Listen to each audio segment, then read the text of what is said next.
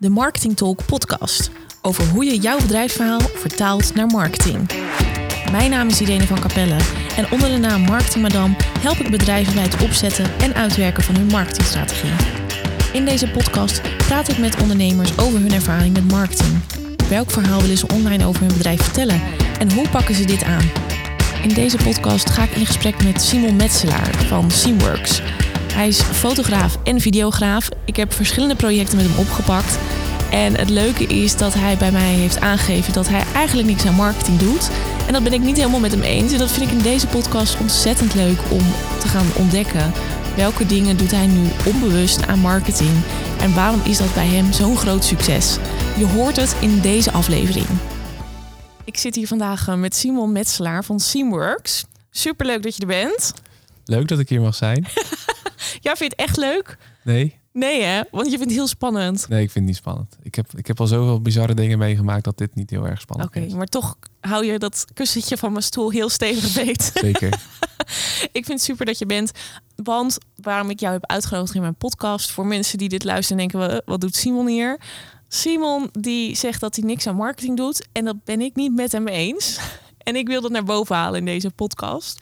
Misschien leuk om ehm, te vertellen wat je precies doet. Waar staat Seamworks voor? nou, ik ben eh, een beetje een mannetje van alles. Ik ben, eh, ben een fotograaf en een, en een videograaf. En eh, daarmee wil ik eigenlijk altijd comfortabele beelden schieten voor mijn klanten. En wat versta je on- onder comfortabele beelden? Beelden die, ja, die gewoon lekker wegkijken, die gewoon functioneel en goed zijn, maar ook lekker wegkijken. Ik weet niet, iets wat voor mij, het moet er voor mij functie, comfortabel uitzien of mooi en prettig. En dan is het goed. En dan eigenlijk moet die klant zeggen, oké, dit is helemaal top, dit zocht ik. Het is misschien niet precies wat ik had bedacht, maar het is eigenlijk altijd goed. Prettige beelden, prettig om naar te kijken. Ja. En zijn dat dan, do- voldoen die beelden ergens aan of is dat meer een gevoel? Het is gewoon een gevoel. Ik neem niet zoveel mee eh, op een klus, dus ik, ik doe het met de omgeving die er is. En dan moet ik er, wil ik er vooral voor zorgen dat die personen, meestal zijn het personen die ik vastleg, of in een omgeving dat zij daar zijn, dat zij vrolijk zijn en, hun tanden laten zien, dat zij lachen. Ja. Eh, en dat zit in die eh, momentjes die je niet plant.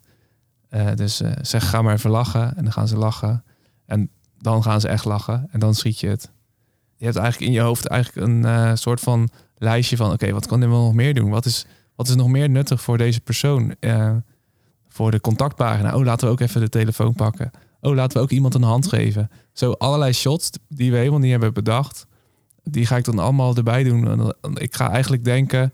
wat zou ik eigenlijk willen als ik een fotograaf bij me heb? ja. Dan zou ik zoveel mogelijk content willen om op allerlei verschillende plekken en manieren te kunnen gebruiken.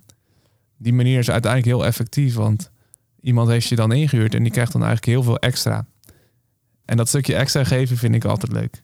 Stel, ik maak alleen foto's op een klus, dan denk ik, ah fuck it, ik maak ook wat video's, want dan, ja, dan kan ik ze nog even verrassen. Het is eigenlijk een stukje marketing, dat stukje extra geven waar ze eigenlijk gelijk getriggerd worden en dan uiteindelijk gaan ze je verder noemen omdat je ook video's hebt gemaakt. Oké, dus eigenlijk de klant verrassen is een van jouw strategieën.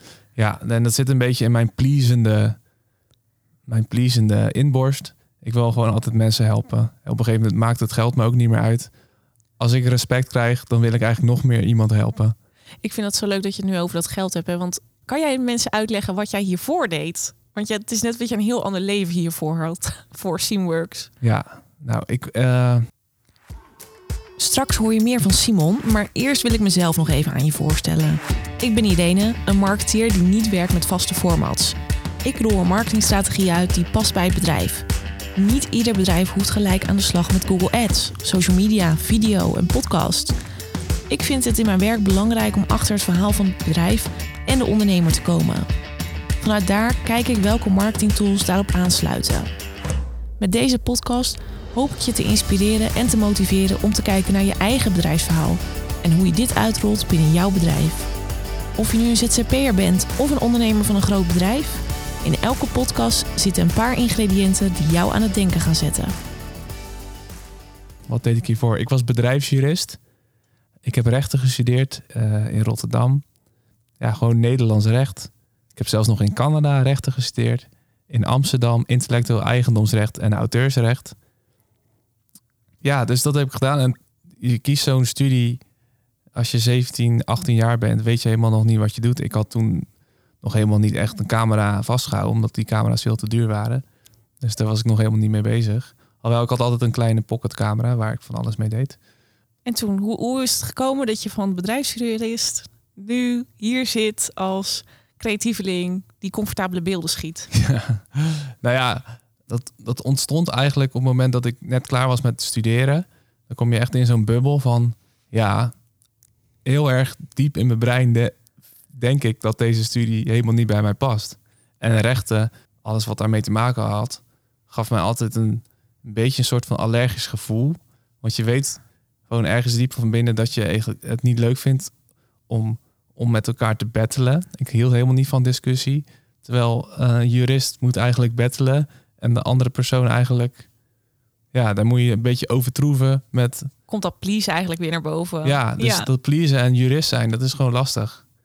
Dat vond ik toen al lastig. Toen ben ik naar de dokter gegaan.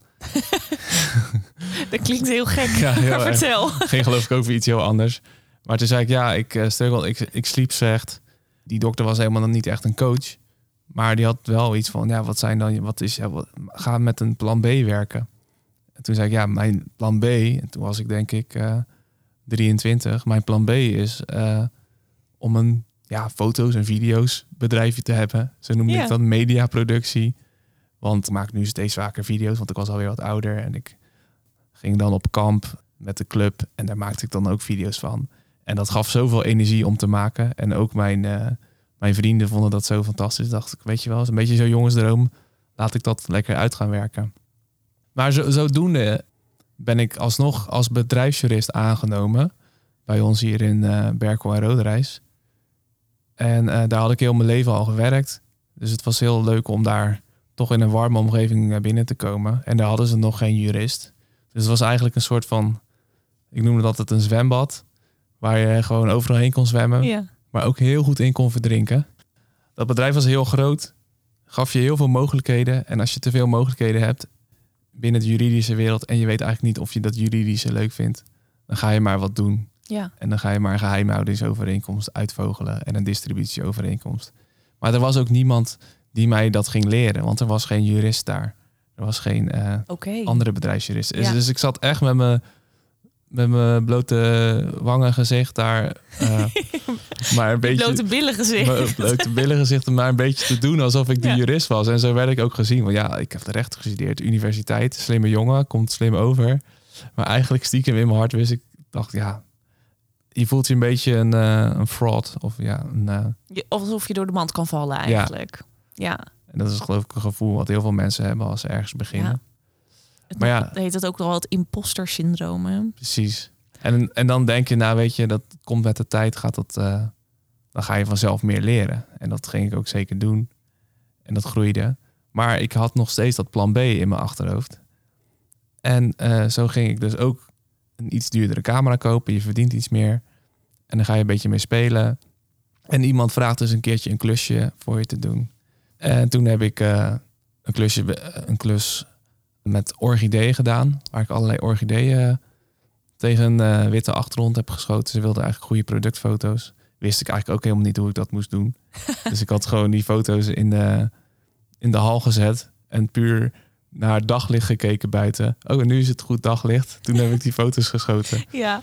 En want het, ik kon het ook alleen maar gaan schieten als er een bewolking was. Want dan had je mooi egaal licht. Dus dat is serieus mijn productfotoshoot geweest. Maar ja, zo heb je wel met licht om leren gaan ook. Ja, ja, precies. Zij wisten ook dat ik video's maakte. Dus toen heb ik ook video's voor ze geschoten. Eigenlijk een echt zo'n classic bedrijfsfilmpje met zo'n classic bedrijfsfilmpje muziekje erachter. Oh ja. Iets wat je nu graag over zou willen schieten of niet? Ja, niet per se over willen schieten. Want als ik ernaar kijk, denk ik, oké, okay, het klopt nog steeds. Het zijn... Uh, consistente beelden. Ja. Maar het muziekje is een beetje ouderwets geworden. Oh ja. Maar dat was dus eigenlijk die eerste opdrachtgever. En toen kwam er een heel groot event. Toen zeiden ze: Hey, zou jij dat event willen schieten? Toen begon het eigenlijk allemaal in een uh, stroomversnelling te komen. Toen moest ik in, uh, in een aantal dagen naar iets van uh, twaalf bedrijven toe. Om eigenlijk voor elk bedrijf foto's en video's te schieten. Nou, dat had ik eigenlijk al heel mijn leven gedaan, foto's en video's. Dus ik ben eigenlijk altijd al de hybride, de hybride man geweest. Ja, Die dat op dezelfde manier, zonder over te veel na te denken, dat kon schieten. En dat was een groot succes. En daar verdiende ik gelijk een, eh, een hap geld mee. Waar ik mijn eerste professionele lens mee kocht. En ja, daar is met, met zo'n professionele lens, daar is het mee begonnen. Zo'n witte lens die je ook wel langs het eh, voetbalveld ziet staan. oh ja, die ja. Een, ja. eh, een EF70 200 2.8. voor de kenners. De kenners weten, oh 2.8, dat is een mooi diafragma. En dat is echt gewoon een werkpaard. En ja, je googelt en je YouTubet en dan zie je iedereen zeggen, ja, de 70-200, die moet je hebben. Dus je gaat er ook wel een beetje in mee, want je kent niet heel veel andere goed, mensen. we gaan nu heel erg op de techniek in. Wat ik echt te gek vind. Maar als je hier meer over wil weten, bel Simon. Maar wat ik, waar ik naartoe wil is dat je op deze manier ging je eigenlijk al rolde het best wel snel dus. Jij bent nu anderhalf jaar, twee jaar voor jezelf volledig. Ja, anderhalf jaar. En het gaat als een malle. Om het even heel plat te zeggen. Ja, maar dat, ik, la, ik doe alsof het als een, als een malle gaat, zodat iedereen het idee heeft, nou, die is wel heel succesvol. ik moet hem ook inhuren. Goed verhaal, Simon. Maar volgens mij is dat niet helemaal waar. Nou ja, ehm, waar waren we? Bij die camera. Oh, je bent van plan om vanaf daar het hele verhaal te vertellen tot nu. Ja, ja, ja. Nee. Ja, maar- dat was eh, even dat, eh, dat, dat succes met die eerste lens en die eerste klus. Dat was, toen werkte ik twee jaar als bedrijfsjurist. En uiteindelijk ben ik na vijf jaar als, eh, na, als bedrijfsjurist gestopt. Dus ik heb nog drie jaar heb ik dat opgebouwd. En dat is wel essentieel in mijn verhaal. Is dat ik eigenlijk heel langzaam dat lekker op heb, op heb gebouwd. En helemaal niet een hele diepe stap heb gemaakt toen ik voor mezelf begon. Want ik had al allerlei verschillende klusjes geleerd en al allerlei fouten gemaakt. Voordat ik echt voor mezelf echt ging beginnen. Zonder de, de zekerheid van een, van een werkgever die jou elke maand wat Het uitbetaalt. is inderdaad mooi dat je dat nog even erbij vertelt. Inderdaad. Want ik wil niet de impressie geven van, oh, nou, dan ga ik dat ook gelijk doen. Want dat adviseer ik ook niemand. Ik adviseer iedereen altijd als ze werken en ergens over twijfelen. Begin met dat plan B. Lekker zo'n American Dream. En ga dat heel langzaam uit, uitvoeren en er een beetje uitzoeken. Ja, Schrijf je eens een keer in de KVK. Zorg ervoor dat je je boekhouding een keertje op eh, of uitbesteedt. In mijn geval, omdat ik eh, niet zo consistent ben om dat echt netjes in een Excel bij te houden. En die dingen hebben mij heel erg geholpen. Dat je denkt, oké, ik geloof als ik hier eh, de 40 uur die ik nu in de, als werkge- werknemer stop, als ik die daarin stop, dan kan dat zomaar ook geld op gaan Ja. leveren. ja, dat idee had ik ook ooit, een plan B. Alleen dat plan B moest ik iets sneller inschakelen dan ik had voorspeld. Maar ja, dat is wel hoe, hoe het makkelijkste is om, om dat te beginnen. Om voor jezelf die zekerheid. En inderdaad, wat ik heel mooi vind wat je zegt, is dat je die fouten al hebt gemaakt voordat je überhaupt helemaal voor jezelf begonnen bent. Dat scheelt enorm. Daardoor sta je ook steviger in de race eigenlijk. En je, eh, om weer het lijntje te maken naar marketing. Wat heb jij vanaf de start van je bedrijf gedaan om klanten binnen te halen? Of is dat ook zomaar... Nou ja, omdat ik, ja, wat de marketing. Ik denk dat het nog eerder begon met dat ik eh, nog als fotograaf en videograaf voelde ik me nog steeds een beetje een, eh, een fraud, een imposter. dus toen heb ik aan mijn werkgever gevraagd: hey, misschien een goed idee dat ik een opleiding krijg in die videografie. Dus toen heb ik uitgezocht wat een eh, goede opleiding zou zijn. En dat was een cinematografie opleiding in Bergen op Zoom. En daar heb ik ondertussen weer zoveel van geleerd in een redelijk korte tijd. Dat ik ook dacht, oké, nu kan ik ook laten zien, ik ben een videograaf en ik weet hoe je een bioscoopfilm maakt. Niet dat ik dat ga maken, maar kan dat wel. kennis kan je wel toepassen, Ja. ja. Dus dat gaf al gelijk een stukje, dat was ook een stukje marketing misschien, van hey, je kan nu op mijn LinkedIn zien dat ik ook die opleiding heb gedaan. Ik denk dat stiekem iedereen dat wel een beetje doet. Ja. Toch? Ik heb daarom ook mijn Nima gehaald. Een soort van, dan, dan weet ik echt iets van marketing. Precies, kan je dat in je verhalen meenemen. Ja, En ook al heb je er misschien maar 10% van eh, geleerd. Het is wel net genoeg om eh, dat verschil te maken. Ja. En dat je weet wat je nog allemaal moet investeren en dergelijke. Dat was één onderdeel. En eigenlijk tegelijkertijd eh, ben ik bij BNI aangesloten. Dat is de- dezelfde groep waar jij in zit. Ja, dat was hartstikke leuk. Daar, eh, Ja. Dat is hartstikke leuk. En eh, daar, daar, krijg je, eh, daar word je eigenlijk een beetje ontgroend binnen de ondernemingswereld. Want Ja. eigenlijk is in het begin iedereen spannend. Alhoewel, dat was er al een beetje af, omdat ik al drie jaar een beetje ondernemer. Maar het is nog wel spannend om in zo'n grote groep iets te zeggen en jezelf te pitchen. In zo'n groep leer je heel veel ook van wat iedereen allemaal doet. En dat neem je onbewust in alle gesprekken die je dan weer hebt met nieuwe klanten allemaal mee. Je wordt gewoon zekerder van heel dat proces. En ik zag ook dat jij flink investeert in het vragen van reviews. Ik bezocht Seamworks op 89 Google reviews. Ik zeg zo. Ja, en consistent hè. Al sinds drie jaar geleden is er elke maand wel een review bijgekomen. Wauw. Dus, Eh, Dus is dat ook, heb je daar dan een strategie voor als ik dat dan zo hoor? nou, als we het over marketing hebben, is dat inderdaad gewoon een keiharde strategie. Dat was inderdaad de strategie. Want mijn idee is, als ik, als ik ergens ga eten en die reviews zijn goed, dan wil ik daar eten. Weet je wel, we, we zijn allemaal een beetje geïnfluenced door alles wat we online zien. Oh, heeft het vijf sterren? Oh, dan moet ik erheen. is ook een stukje neuromarketing, hè? Ja. Ja. En het geldt op heel veel dingen. Het geldt bij mij ook als ik iets koop. Het moet vijf sterren hebben of het moet goed zijn. Dus ik dacht, dat moet sowieso ook... eh, dat beeld van Seamworks moet goed zijn. Ja. Jij hebt vorig jaar jouw hele website aangepast. Ja. Ik ben er vandaag ook weer even doorheen gegaan. Ik denk, ik moet goed voorbereid zijn. Ik moet die hele gozer onderzocht hebben wat er allemaal wat hij doet. Jij hebt ook best wel veel netwerkpartners volgens mij, of partners waarmee je samenwerkt. Is dat een onderdeel van jouw bedrijf ook? Dat je daar focust, omdat je dan Nou, dat, ja, ik heb, ik heb op de pagina inderdaad een paar mensen genoemd. Waaronder jij. Maar ook een goede fotograaf. Dat was, dat is eigenlijk een fotograaf die, waar ik jaloers op was. Ik denk, daar ga ik een keer koffie mee drinken. ja, Want dan hoef ik, hem niet meer, hoef ik me niet meer jaloers te voelen. wat slim. En dat was echt zo bizar dat dat uiteindelijk hartstikke leuk bleek te zijn. En nu kunnen we elkaars opdrachten af en toe naar elkaar toe passen. Ik denk dat het een tip is voor iedereen. Hè? Want vaak kijken we uit eh, voor mensen die in het, ons vakgebied zitten. Want dan zijn we jaloers of we zijn bang. Of in ieder geval, we worden onzeker door ze. Dat is één ding wat zeker is. En- juist door met ze in gesprek te gaan en elkaar dan verder te kunnen helpen, zorg ervoor dat je eigenlijk samen sterker staat dan alleen. Want je kan ook dingen uitwisselen, tips eh, over je vakkennis, denk ik ook. Ja, precies. Heel mooi. Maar is het ook, krijg je er klanten door? Door die samenwerkingspartners? Nou, door, door die andere, door die fotograaf heb ik zeker eh, nu wel echt een eh, triple E klant. Door hem uiteindelijk binnen gekregen. Indirect, omdat hij toen een keertje niet kon. En hij had die klus ook weer van iemand anders doorgekregen.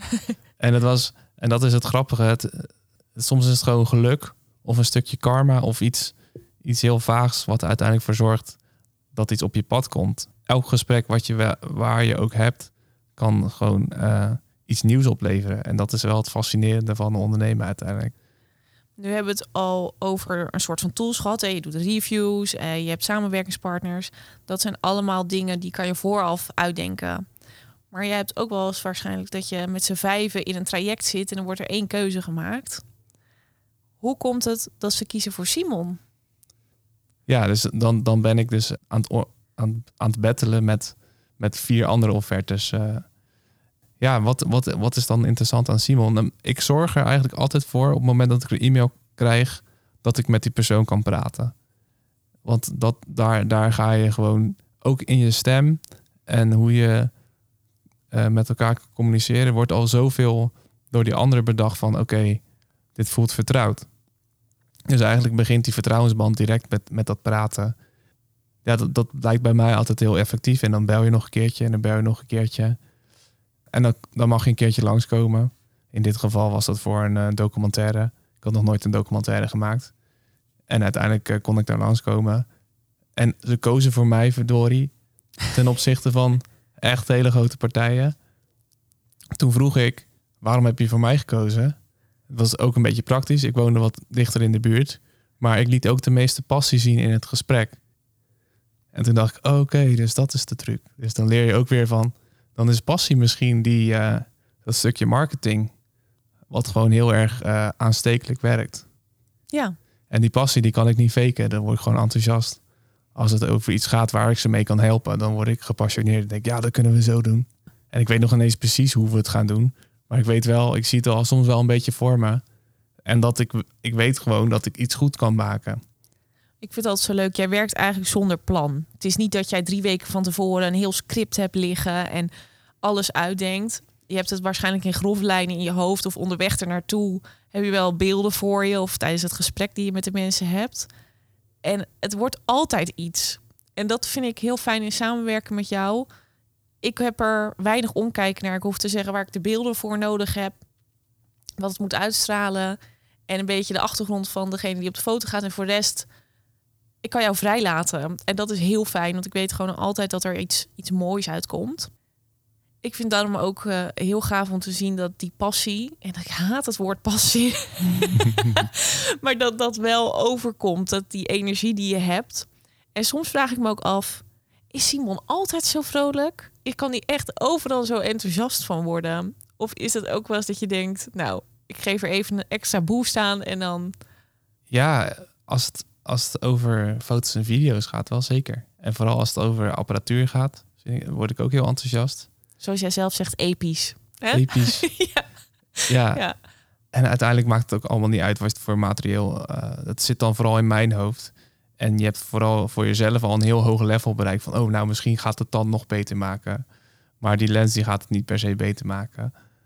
Het is meer gewoon dat jouw uh, ervaring het uiteindelijk dan stiekem toch een beetje beter maakt. En kijk, voor mij zijn mijn kader van wat goed is, dat, dat, dat klopt als het goed is. Want anders had ik, krijg ik niet steeds meer opdrachtgevers die ook heel enthousiast zijn. Ja. Dus dat kader is wel heel belangrijk. Want als jij heel je leven bent opgegroeid met hele duistere beelden, dan ga je dat, ga je dat ook heel erg terugzien in de beelden. Dan is gewoon je, net als dat je bepaalde muziek heel fijn vindt, dan ga je die muziek ook graag luisteren en uiteindelijk ook maken. Dus het is eigenlijk smaak. Ja, uiteindelijk die smaak die maakt dat het in ieder geval op corporate gebied wel heel goed werkt. Want ja, je, kijkt gewoon naar de magazines. Als ik een blaadje doorblader, dan neem je dat op een of andere manier in je op. Ja. En dat gaat dat in je, in je, in je visuele bibliotheek. Dat pas je dan gewoon toe voor alles wat je ziet. Dus jij zegt gewoon heel veel kijken naar foto's en beelden die je zelf ook mooi vindt. Ja, en dat zou ik nog wel wat meer kunnen doen. Ik zou ook wat iets meer naar een klus kunnen gaan. En alvast online content even op hebben kunnen zoeken. En denk, oké, deze plaatjes ga ik meenemen. Is dat Simon? Ehm, ik doe het bij bruiloften. Ja, dat kan ik me voorstellen. Dan wil je af en toe wel een bepaalde pose om te laten zien: hey, ga even lekker met je hand hier. Dit is ook echt typisch Simon, hè? ik dacht, ik moet even iets chockerend zeggen. Ja, uh, daar ben je, kunnen we dat even dat verhaal vertellen dat jij mensen van een, een bedrijf op de foto moest zetten, portretfoto's. En dat was je de hele dag gaan doen. Vertel, kan je dat verhaal vertellen? Ja, uh, ik moest uh, een ja, portretten schieten van een redelijk corporate bedrijf. Iedereen kent het, maar ik mag het niet zeggen. Nee. Van de NPO. maar dat zijn dus ja, allemaal hele chique mensen, ook wel hele normale mensen. En mijn beste tactiek is om die mensen gewoon even van hun van uh, je focus stokje te brengen. Ja, Zodat ze, en dat heeft twee, twee redenen. Ik zeg, ik zeg altijd, zeg maar even porno. En dan zeggen ze porno. En dan creëer je eigenlijk iets mee dat ze denken, ook serieus, heb ik nu zelf porno gezegd? En dan moeten ze dus lachen. En dan beginnen ook die ogen te lachen. En dat wil ik, dat de ogen lachen, niet alleen de mond. Dus dan heb ik al gelijk de goede foto. En ze hebben gelijk iets van, oké, wie is deze gast? En ik vertrouw hem. Het werkt gewoon heel gek. Het is heel bizar. Toen jij het ook vertelde, want wij waren een keer onderweg naar een, eh, een, een video um, shoot voor mij. En toen vertelde je dit en ik ging helemaal stuk. Omdat ik dus voor me zie, heel zakelijk, netjes. En daar staat Simon met zijn camera. En die denkt, ik ga hier gewoon een hele leuke dag van maken voor iedereen. Ja. Ik choqueer eens even. En... Choqueren is echt een hele goede tactiek. Ja. En ik, ik kan het maken. Soms denk ik, oké, dit gaat te ver. Maar toch kan ik dat dan met mijn blote billen gezicht toch wel weer maken je creëert er eigenlijk een band mee van oké, het is dus wel luchtig. Ja. En mensen hebben altijd een beetje een negatief gevoel bij zo'n zo'n zo'n portretshoot van oh ja, uh, verplicht hè, zit zo'n ja, ja. Dat, verplichten en uh, de basisschool komt dan weer omhoog, weet ja, je Zo met je voeten op het kruisje in de gezicht naar de ja. camera. En die zijn misschien ooit in het verleden door een beetje traditionele fotograaf vastgelegd, die gewoon streng is. Maar je ziet het ook heel erg, hè? Althans, ik kijk altijd voor degene die het niet weet, op websites wordt de over ons pagina altijd het best bekeken. En op die over ons pagina is het mooiste als je persoonlijke foto's hebt. En vaak zie je dus van die websites en dan staat iedereen zo strontzagrijnig op. Vaak voor zo'n grijze achtergrond. En dan denk ik, ja, leuk. Dat bedrijf straalt echt niks uit dan. Ja, je ziet de mensen, maar je ziet niet of ze er plezier in hebben of niks van hunzelf. Vaak wordt ook gezegd, iedereen moet hetzelfde aantrekken. Hoe doe jij dat om toch dat karakter van die mensen te laten zien in één shot? Ja, het is voor mij dus heel belangrijk dat een persoon lacht. Als jij iemand tegenkomt op straat en die gaat met zo'n persoon, met zo'n persoon praten en die kijkt echt zo soort van half zaggerijnig boos met de mond dicht naar je, dan denk je, heb ik iets verkeerd gedaan? Uh, op die manier beredeneer ik eigenlijk dus dat het handiger is om te lachen of in ieder geval vrolijk te kijken. Dus elk portretfoto die zal bij mij ook eerder vrolijk, Ja, vrolijk overkomen, omdat dat ook ja, neurologisch dan, ja denk ik, veel effectiever is. daar heb jij ook helemaal in verdiept, hè, dat neuro... eh. Nee, iemand heeft me het ooit verteld Nou, dat dat werkt. Ik heb dus die training gevolgd over neuromarketing. En we doen graag. Ja, we, we worden aangetrokken door lachende dingen. Dus er zitten ook heel veel smileys in logo's en ja, in opmaak van, van, van dingen. Goed verhaal, iedereen. Ja, nee, En daarom is het ook. Ik denk dat dat ook een reden is dat mensen graag zaken met je doen. Want je wordt enthousiast van jou. Je vertelt alles met zoveel energie en met zo'n big smile. En als je dat ook kan vertalen op foto, inderdaad. Je doet gewoon graag zaken met mensen die blij zijn. liefst zo. Ja. Ik kreeg van jou met kerst iets heel bijzonders. En wat ik zo leuk vind, ik had nooit verwacht dit van een man te krijgen. Klinkt echt heel zielig. Maar eh, heb je dit voor al je klanten gedaan? Ik heb het voor allemaal klanten gedaan. En voor de mensen die het niet doorhebben, ik heb hier een ehm, ja, kaartje in mijn hand met mijn eigen foto's die we hebben geschoten tijdens eh, de shoots. Ik heb jou meegenomen naar mijn klanten en video's opgenomen. En achterop gewoon een heel leuk persoonlijk verhaaltje. En ik kreeg daarbij ook een tas van jou. Een, oh, hoe heet zij ook alweer? Een Suzanne Beltas. Precies, de Suzanne Bijltas. Enorm groot, super handig. Wat heb je daar veel leuke reacties op gehad? Ja. Het is bijna alsof je iedereen een vriend van je is geworden. Ja? Ja. En heb je daar ook weer nieuwe opdrachten uit gekregen? Nee, daar, daar doe ik het niet voor. Het is gewoon dat stukje, stukje yo, eh, je bent een vriend. Ik ben heel dankbaar dat jij eh, het vertrouwen had dit jaar in mij. En ik geef dit stukje vertrouwen terug en een stukje dankbaarheid. Heb je nu ook opdrachtgevers waarvoor je al een paar keer terug eh, mocht, mocht komen? Zeker. En dat is eigenlijk het fijne aan zakelijke opdrachten, is dat je eigenlijk investeert in een relatie. En dan soms dan denk je bij die eerste opdracht, nou weet je, ik heb hier nu best wel veel tijd in gestoken, maar het is goed. Want ik, ik heb hier ook tijd in de relatie gestoken. Misschien krijg je dat dan niet altijd via het geld terug, maar dan vind ik de relatie even belangrijk. Ja. En ik zie dat eigenlijk als allerlei zaadjes die je hebt geplant in een moestuin. En die komen heel het seizoen op verschillende momenten terug. En zo zie ik eigenlijk eh, het business doen. En elke keer, soms komt er uit e- één bloem opeens drie nieuwe zaadjes gepopt. Want dan, dan heeft die persoon jou weer doorverteld. Daar kan je dan ook weer wat mee. Je luistert nu niet naar eigen huis en tuin, maar nog steeds naar Nee. Simon Metselaar. maar ik vind het inderdaad een heel mooi verhaal. En ik denk dat dat ook een beetje vergelijkbaar is. Dat veel mensen zitten achter opdrachten aan, maar het begint vanuit een relatie. Heb je ook het idee dat je daardoor veel mond-op-mond reclame hebt over Simworks? Van klanten die tevreden over jou zijn. Ja, zeker. Eigenlijk mijn, eh, als, ik, als ik terugkijk naar de bron van mijn meeste opdrachten, zijn dat eigenlijk mijn basisschoolvrienden. Eigenlijk mijn vriendengroep die ik al heel lang ken. Eh, daar zijn uiteindelijk waar zij werken, zeggen ze ja, we kunnen Simon inhuren. En dan kom je opeens bij een opdrachtgever die je misschien helemaal nooit had ontmoet als je, als je die vriend niet had die daar werkte. En zo, zo zijn, dat, zijn, dat is eigenlijk de core. En daar is het uit, uit verder gegroeid. Wat mooi. Dat Ja. is echt heel bijzonder. Dat andere mensen die moeite voor jou doen. Omdat we leven best wel in een maatschappij van... kan ik provisie krijgen op wat ik aanlever? Of wat in het voor me, hè? Dat, dat principe. Ja. Maar gewoon dat mensen jou aanbevelen. En dat zijn vaak vrienden die ik ook al op wintersport heb gefilmd. Op hun, op hun slechtst. en toch, eh, weet je, dat zijn je beste amba- amba- ambassadeurs. En zo door de, door de tijd heen eh, creëer je nieuwe ambassadeurs. En daarom zie ik ook eigenlijk iedereen als vrienden en als familie heel snel. En ben ik helemaal niet meer zo bezig met, met die klus. Ik denk meer, ik vind het gewoon belangrijk dat deze vriend of nieuwe kennis gewoon goede content krijgt. Punt. Heel joviaal eigenlijk. Ja, en dat is echt voor mij de allerbeste stra- strategie. Misschien is het ook een combinatie. Hè?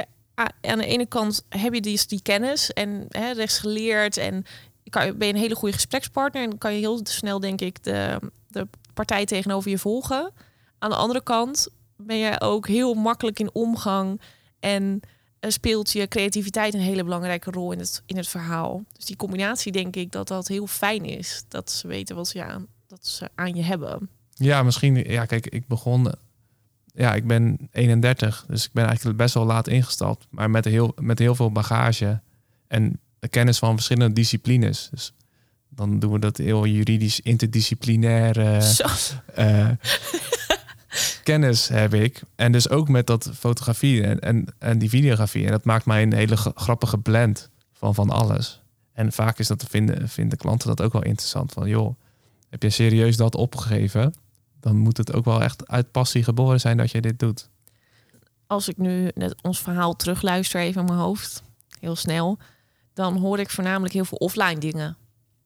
Online ben je niet heel erg zichtbaar. Je hebt een website, je hebt social media, ben je niet heel regelmatig op te vinden. Maar alles gebeurt offline, in die relatie, in het, hetgeen wat je uitstraalt. Heb ik dat goed? En daar, ik zit er offline nog ineens per se heel erg achteraan of zo. Nee, dit is gewoon all natural. Precies, ik doe geen koude acquisitie of zo. Het is gewoon meer vaak toevallig. De relatiemarketing eigenlijk. En ik doe het allemaal in mijn eentje. Dus met de, de geplante zaadjes die ik heb, daar, daar, daar heb ik al bijna mijn handen aan vol. Eh, dus soms is het ook niet beneficial voor mijn klant om nog veel meer klanten te hebben. Want dan moet ik heel erg gaan kiezen. Ja. Het, eh, zou wel leuk zijn, want eh, dat zou alsnog lukken. Dan ga ik iets minder vaak om negen uur uit mijn nest. en ben ik iets minder Halo aan het spelen op de Xbox. Sorry, dit mag niemand horen. Nee, mag niemand horen. Dan denken al die mensen, oh, dat- is dit eh, mijn fotograaf, videograaf? Nee, Eh, ik denk dat, dat het mooie is dat je dit deelt, want het laat ook zien dat je gewoon mens bent. Ja, dat stukje, dat je mens bent, Ja, vind ik essentieel. Want we leven allemaal één grote grap. Eh, nou, dat wil ik ook weer niet zeggen. Maar dat menselijke mag echt wel weer terugkomen. En, dat, en dat, daar zitten ook eh, kwetsbaarheden in. En die kwetsbaarheid is echt essentieel. Wil je ook een rela- met iemand kunnen praten. dat ben ik zo met jou eens. en dat komt omdat ik gemerkt heb wat het is als je niet kwetsbaar bent. En dan bereik je heel weinig, want dan ben je continu bezig met het ophouden van een verhaal wat je voor jezelf hebt uitgedacht. Maar je raakt niemand ermee. Nee. En op het moment dat je kan toegeven dat iets niet naar, wen- niet naar jouw wens is, of dat je iets niet handig hebt aangepakt, of dat je ehm, op een bepaalde manier, hè, dat je gewoon communiceert vanuit jezelf, dan kan je mensen echt raken daar waar je het wil hebben. Ja, en toch moet ik daar toegeven dat ik het zelf lastig vind om kwetsbaar te zijn. Want soms denk ik, waarom doe ik geen LinkedIn-post? En waarom zet ik heel weinig op mijn Instagram? Ja, dan, dan heb je toch een beetje de angst om te falen met je content. En Dat Ja? je denkt van, Oh, oh ja, de, de, hè, misschien gaan allerlei mensen daar iets van vinden en denken. Dus dat zit nog een beetje in mijn hoofd. En ik sta een beetje op het punt van, daar ga ik overheen stappen. En ik ga er gewoon mee beginnen. En ik doe dat dus nu alleen op stories op Instagram. Dat, dat werkt heel goed. Maar ik zou ook gewoon iets, iets definitievers, echt een post mogen posten. ja. Dus er valt nog genoeg te werken wat dat betreft aan eh, het laten zien wat ik doe. Maar het leuke is wel, als ik dan naar jouw Instagram ook vandaag weer keek, jij laat daar niet je foto's zien, althans wel een aantal. Maar over het algemeen zie ik een dol enthousiaste Seamworks in een kas of bij een bedrijf binnen of samen met degene die op de video zet. En dat is misschien veel beter. Ja. Dat is niet perfect, maar dat is wel authentiek.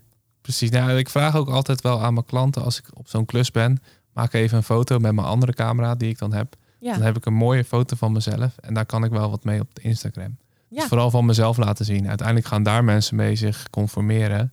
In plaats van die foto. Weet jij veel hoe- hoeveel tijd je in die foto hebt gestoken? Maar dat is bizar, want we zeggen altijd vanuit marketing: ja, het moet niet om jou draaien, maar om wat je klant wil. En eh, hij moet zich erin herkennen. Maar in jouw geval, ik denk dat in veel gevallen hoor, dat we veel meer aangaan op iemand die lol beleeft in zijn werk en waarvan we weten dat hij het goed doet en gedreven is, dan Ja. dat het perfect hoeft te zijn. Ja, precies. Nou ja, over die perfectie. Ja. Ik, ik, eh, die website van mij. Ja. Op een gegeven moment wist ik niet zo goed wat ik daar moest schrijven. Mhm. Toen heb ik aan jou gevraagd, Irene, heb jij nog tips? En toen heb jij gezegd, heb het gewoon over het feit waarom jij iets leuk vindt.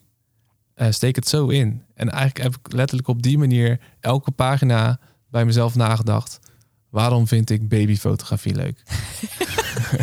Ook die noemen. Want dat is natuurlijk super gek dat een jongen babyfotografie doet. Ja. Want dat is echt gewoon, dat, dat is eigenlijk exclusief voor net zwangere vrouwen. Die mogen alleen babyfoto's maken of moeders. En dan ga ik ook babyfoto's maken. Maar daar heb ik wel een heel flauw tekstje geschreven over wat ik daar leuk aan vind. Eh, en wat ik leuk vind aan fotografie en videografie. Ik merk toch heel erg dat mensen heel erg enthousiast raken om dat allemaal te gaan lezen. En dan per categorie kan je lezen wat ik de, waarom ik het leuk vind. Ik begon jouw eh, over Simon pagina. En daar had je het over echt heel lang verhaal. Eigenlijk in, in de basis vond ik het hele uitleg. Waarom het he- Seamworks heet. Het lijkt op Dreamworks. En maar sommige mensen noemen Seam of Mats. Of, en eigenlijk al gewoon... Het leek ja, dus, eh, zo, alsof je al tegenover me zat. Ja. En ik denk dat we daar als bedrijf eens een keertje los van moeten gaan. Dat we alles perfect hoeven te doen. Maar dat het gewoon echt vanuit ons gewoon zoals we zijn moeten Als, schrijven. als, als mens. Ja, Ja, ik merk dat dat heel effectief is. En daardoor krijg ik ook de klanten die dat waarderen. Dat zijn ook de leukste klanten met wie ik graag samenwerk. ja Want die bij die zeggen, ja, oh, op de bruiloftpagina heb je het over dat de jurk vies wordt. Dat vond ik zo leuk. En dan heb ik daar ergens een katern gemaakt. Word je, word je jurk vies? Jazeker. Want we gaan door de stront lopen of zoiets. Eh, maar dan denken ze, oké, hij zet, dat hebben ze nog nooit op een andere website gelezen. Ik bedoel, iedere website vertelt, vertelt hetzelfde. Dus als het over een site gaat, zorg dat je iets prikkelends schrijft. Ja, het is iets herkenbaars voor de klant, alsnog. Dus je Ja. hebt dat wel, daar wel aan gedacht. Maar met een vleugje humor en gewoon heel oprecht. En Ja. dat, ja. Dat is leuk. Ja, ik kijk ernaar uit om die website nog wat eh, te fine-tunen en nieuwe pagina's toe te voegen. En ik denk heus wel na van, oké, wat eh, werken bij video's zijn nu interessant. Misschien wel interessant om een werken bij pagina te maken. En even kijken of dat het juiste zoekwoord is als mensen zoeken naar werken bij Ja. video's. Maar ik denk dat jouw website al heel compleet is. Als ik hem zag, eh, gewoon allerlei soorten video's zag ik. ik. De bedrijven waarvoor je hebt gewerkt stonden er bijna allemaal op. Ik dacht, wow, je laat echt wel een indruk achter. Ook Ja. alleen al met de beelden die je laat zien. Top. Nou ja, wat, wat betreft, eh, daar kan ik nog wel iets over zeggen. Over eh, waarom ik. eh, normaal heb je, kom je op mijn website en dan zie je allemaal logootjes staan van de klanten waar, waarvoor je werkt. Ja. En dat, dat zou ik ook wel willen, maar dat kan je soms niet heel makkelijk in één pagina laten zien. Het wordt heel druk. Ja. Toen heb ik besloten, ik ga gewoon al die, al die namen van die bedrijven gewoon opsommen op één pagina. En daardoor ziet het er inderdaad extra vet uit. En ik zou misschien wel mijn extra boeiende klanten misschien nog een eh, logootje erop kunnen plaatsen, de eerste rijtje. Maar Het grappige is, ik zit in mijn hoofd te denken, wat zou het verschil maken als je nou dus logootjes had gedaan? Maar ik denk dat bij logootjes ga je toch nadrukkelijker kijken. En ik heb wel eens dat ik logo's bekijk van bedrijven of van sponsoren of zo. Dan denk ik, nou, niet heel erg bijzonder. Terwijl als het tekst is, dan is het in ons hoofd te veel om te lezen, want we scannen. Dus dan denken we alleen maar, wow, dat zijn een hoop namen. Cool. En Ja, we gaan precies. weer door. Dus ehm neuromarketing technisch weer, om daar weer even lekker op terug te komen, zou ik het gewoon zo laten. oké, top. Ik denk dat dat het ook is. We zijn aan het einde van de podcast gekomen. Oké. En de vraag die ik altijd stel aan mijn gasten: wat wil jij op marketinggebied meegeven aan de luisteraar? Wat is jouw marketingtip? Mijn marketingtip. Nou, deze podcast zat al vol met tips. Nou hè, ze mogen blij mee zijn met ons. Precies, want ik, dat had ik helemaal nooit willen vertellen. Want nu gaat iedereen allemaal persoonlijke stukjes tekst op hun website zetten. Nee. Oké, ik moet even over nadenken hoor. Marketingtip. Zorg dat je heel veel reviews krijgt op Google. Oké, Echt oprecht. Mensen, Google gaat jou ook makkelijker vinden als jij eh, daar eh, een hoge score hebt. Nou mooi. Geven we die nog even mooi mee. En eh, wil ik jou heel erg bedanken voor de tijd die je voor mij eh, vrij hebt gemaakt. Dankjewel. De groetjes. Zit je te luisteren naar deze podcast en ken of ben jij iemand die in deze podcast thuis past? Stuur dan een berichtje via de website. Je vindt meer informatie op marketingmadam.nl/slash podcast. Tot de volgende Marketing Talk.